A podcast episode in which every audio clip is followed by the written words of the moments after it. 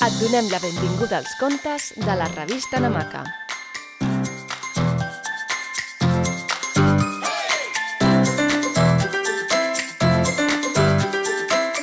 Avui t'explicarem el conte Somnis i malsons.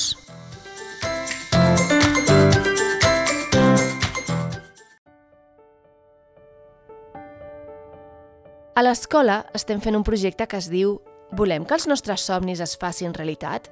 I que consisteix en escriure les coses que somiem a la nit i després compartir-les amb la classe. A la rotllana d'aquest matí he explicat el somni que vaig tenir ahir a la nit. Nadava amb una balena que disparava confeti pel forat de l'esquena. A mi m'encantaria que es convertís en realitat. Seria tan bonic. Em fa molta gràcia descobrir els somnis dels altres com el d'en Pol, per exemple, que va somiar que s'embolicava amb les cortines de la seva habitació i tothom creia que era un fantasma. O el de l'Enric, que a vegades somia que viatja sobre d'un vaixell de paper que s'enfonsa a poc a poc, però sempre té temps d'arribar a terra ferma.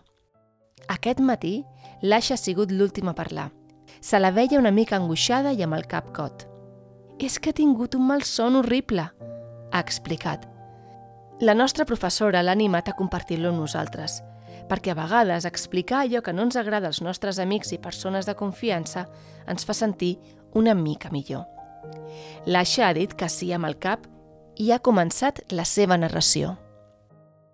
Jo anava vestida de núvia perquè m'havia de casar.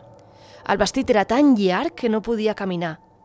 Portava collarets d'or i plata que pesaven molt i em feien mal al coll, jo mirava per la finestra les meves amigues que jugaven fora pilota. Volien amb elles, però era impossible fer un pas endavant amb tot el pes que portava a sobre. Llavors s'obria una porta i entrava el nuvi, a qui jo no coneixia. Era un home molt i molt gran, amb una barba tan llarga que se l'anava trepitjant. No tenia boca, sinó un forat negre, i les seves mans eren enormes, més grans que una pilota de bàsquet feia una pudor estranya, barreja de tabac i d'un fort perfum. Jo només volia sortir corrent d'allà i anar amb les meves amigues a jugar a pilota, però és que no podia moure'm. Aleshores, el nuvi s'aprovava cada vegada més amb les seves mans enormes i després... Després... Després què? Hem preguntat tots alhora amb el cor en un puny. Després entrava el gos i se li feia pipí a sobre. La meva mare li lligava les mans amb la barba, la meva àvia l'agafava d'una orella i el nuvi es desinflava com si fos un globus, fins que era tan petit que ja no feia cap por. I jo m'he pogut treure tot aquell pes i sortir a jugar al pati. Tot i que el somni havia acabat bé, l'Aixa seguia amoïnada.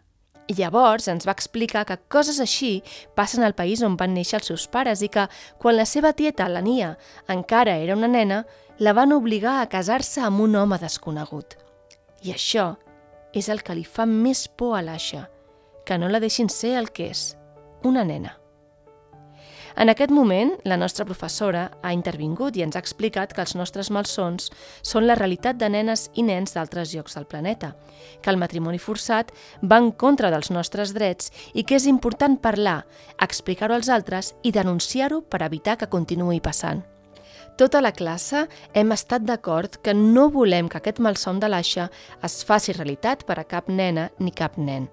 Així que hem fet un mural ben gros a la paret de la classe on hem escrit els somnis que volem que es facin realitat i ens hem dibuixat jugant amb l'aixa a la pilota per no oblidar mai que hem de ser el que ens toca ser. Nenes i nens, persones petites que aprenem de la vida jugant.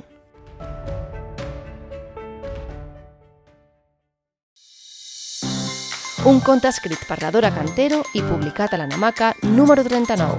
Descobreix més històries namaquianes a www.revistanamaca.com.